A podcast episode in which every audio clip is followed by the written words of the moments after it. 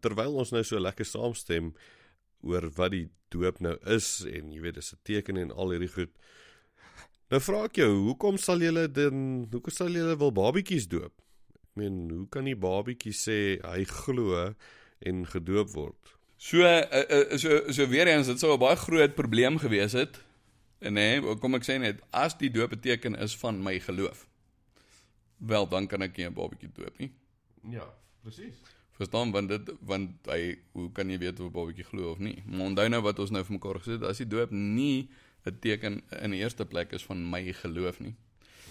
Dan uh, dan dan raak die gesprek 'n bietjie meer ingewikkeld. En daaroor daaroor gaan ons as gereformeerde mense na die Ou Testament toe. So so dit gaan 'n bietjie oor hoe sien jy hoe sien jy die werk van die Here binne in die geskiedenis?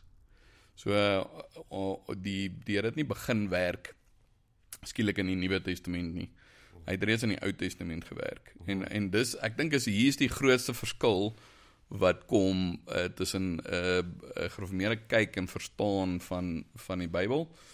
Uh, nie net gereformeer nie, daar's natuurlik ander tradisies met wie ons dit deel, maar maar uh ons sê die Here se se genade verbond begin nie eers met Jesus nie. Uh so ons verstaan die gedagte van 'n nuwe verbond waarvan Jesus praat nie as nuut in sy essensie nie.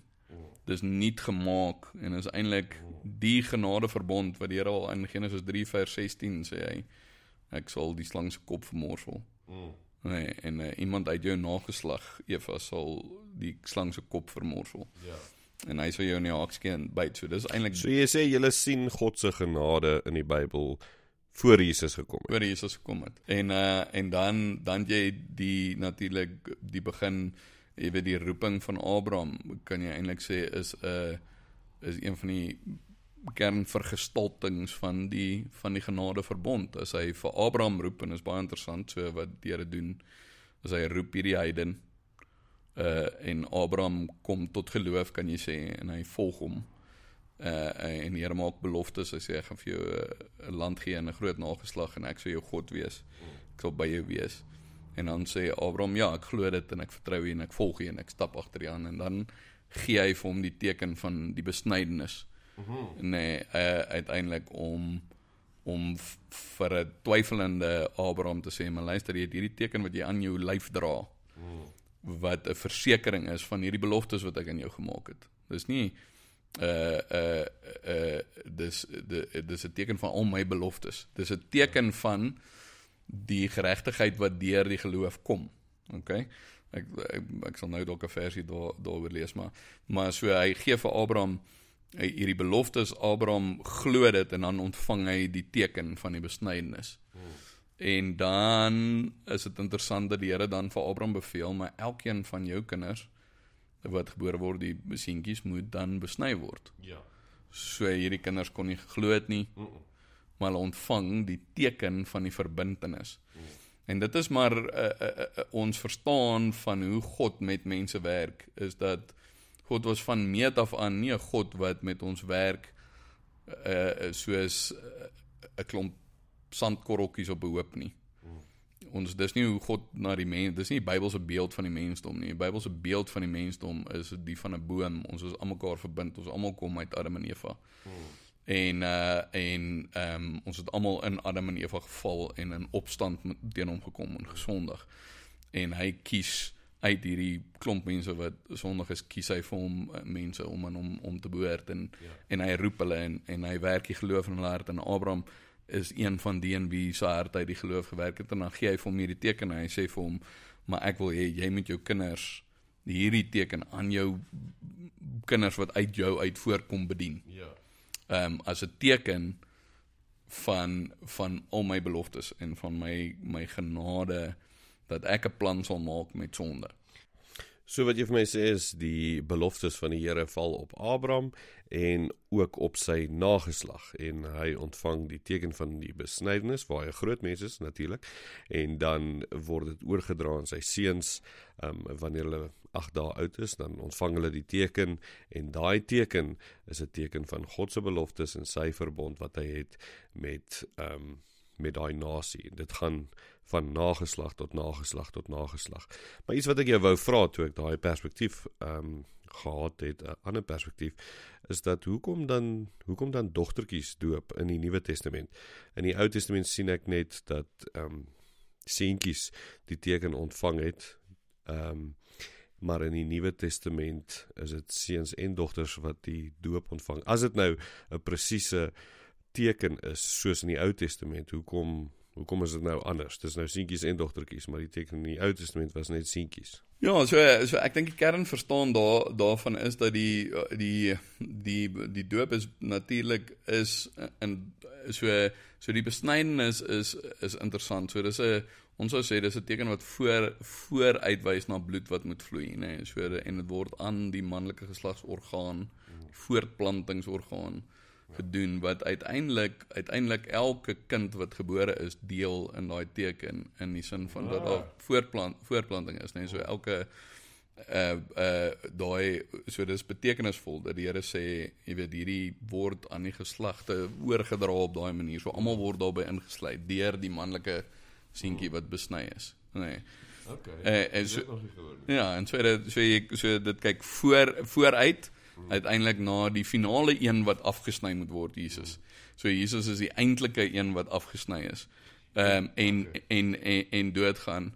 Ehm um, en uiteindelik dan as as as Jesus dood gegaan het, dan is bloed nie meer nodig om te vloei nie. Mm -mm. En so dan stel hy 'n nuwe teken in met met water wat terugwys na sy bloed wat gevloei het. So water wat skoon was en terugvloei in en in hierdie in hierdie sin is dit dan inklusief om te sê, maar luister, in Jesus is daar nou nie meer uh mans of vrouens uh, slawe of vry vrye mense nie. Nou deel almal uh, uh, uh, in gelyke mate in in hierdie nuwe teken. Ehm um, en so ja, so in in daai opsig word die doop dan bediening bedien aan mans en aan vrouens. Ja. Thomas, is ek dan reg as ek vir jou sê dat dit klink vir my ehm um, jou hele beskouing van hoe die Here werk reg deur die Bybel is met families en ehm um, soos mense mense in groepe. Ehm um, hy hy roep nie mense uit noodwendig as individue nie. Ek meen nou en dan waar ons dit sien met profete in die Ou Testament is dit vir 'n baie spesifieke rol, maar as 'n heel lyk dit vir my jou hele beskouing van hoe die hoe die Here werk met die mens is dit in groepe. On, ons dink nie die Here het ooit so gewerk dat hy met mense net werk as losstaande individue nie. Ons dink die Here werk van meet af aan. Hy maak vir Adam en Eva, hy werk in families. Hmm. Hy werk deur uh um uh Adam en Eva se geslagslyn. Nee, uh Jesus word uit hulle uitgebore. En en 'n kernvraag wat ek sal hê vir iemand sê hoekom met waar in die Nuwe Testament kry mens getuienis dat dit net opgehou het? Ja. En as jy dan die Nuwe Testament deur daai bril lees, dan kom Petrus en hy sê hierdie belofte So bekeer julle en laat julle doop want hierdie belofte is vir julle en vir julle kinders en vir die wat daar ver is. Hoekom sal hy sê vir julle en vir julle kinders? Kom daai vir julle kinders. Hoekom is dit belangrik as ons skielik nie meer hoef te dink aan ons en ons kinders nie, as ons skielik uh, net moet dink aan die wat daar ver is. So natuurlik is die Nuwe Testament baie meer inklusief. Dit gaan nie net binne in die familie van Israel nie. Dit gaan nou oop vir alle families. Maar die Here het nie opgehou om in en deur families te werk nie. Ehm um, ek dink hy soek uh ek, ek bedoel hy sê dit in soveel woorde. Ehm um, hy, hy soek godly offspring. Nee, hy soek ehm um, en en so die gedagte dat ek as 'n ouer kinders kan grootmaak wat regtig ingesluit is in hierdie verbintenis, hierdie verbond, hierdie en daarom die verbondsteken kan kry. Ehm um, ek dink ons 'n sterk argument vanuit die Ou Testamentiese uh uh uh ehm um, konteks gesien in die Nuwe Testament in en dis dis vir my deels waarom maar baie ons sê maar kom sê die nuwe testament nou, nou niks daaroor nie. Ehm um, eerste plekkie families wat gedoop is in die Nuwe Testament dink ek sê tog iets daaroor. Ehm um, die kanse dat daar kinders was is baie goed. Nou weet ek dis 'n argument uit stilte. Maar tog as jy dit da, vanuit daai brol lees dan maak hierdie familie dope sin.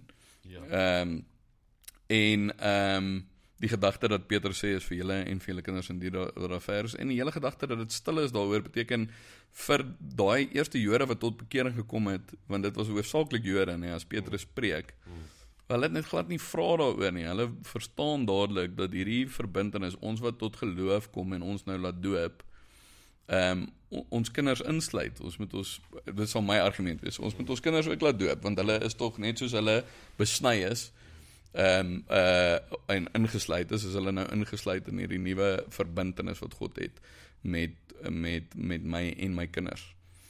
Ehm um, ja, ek kan lank praat want baie mense sou nou sê hierdie uh ehm um, maar beteken dit kinders is outomaties gered? Nee.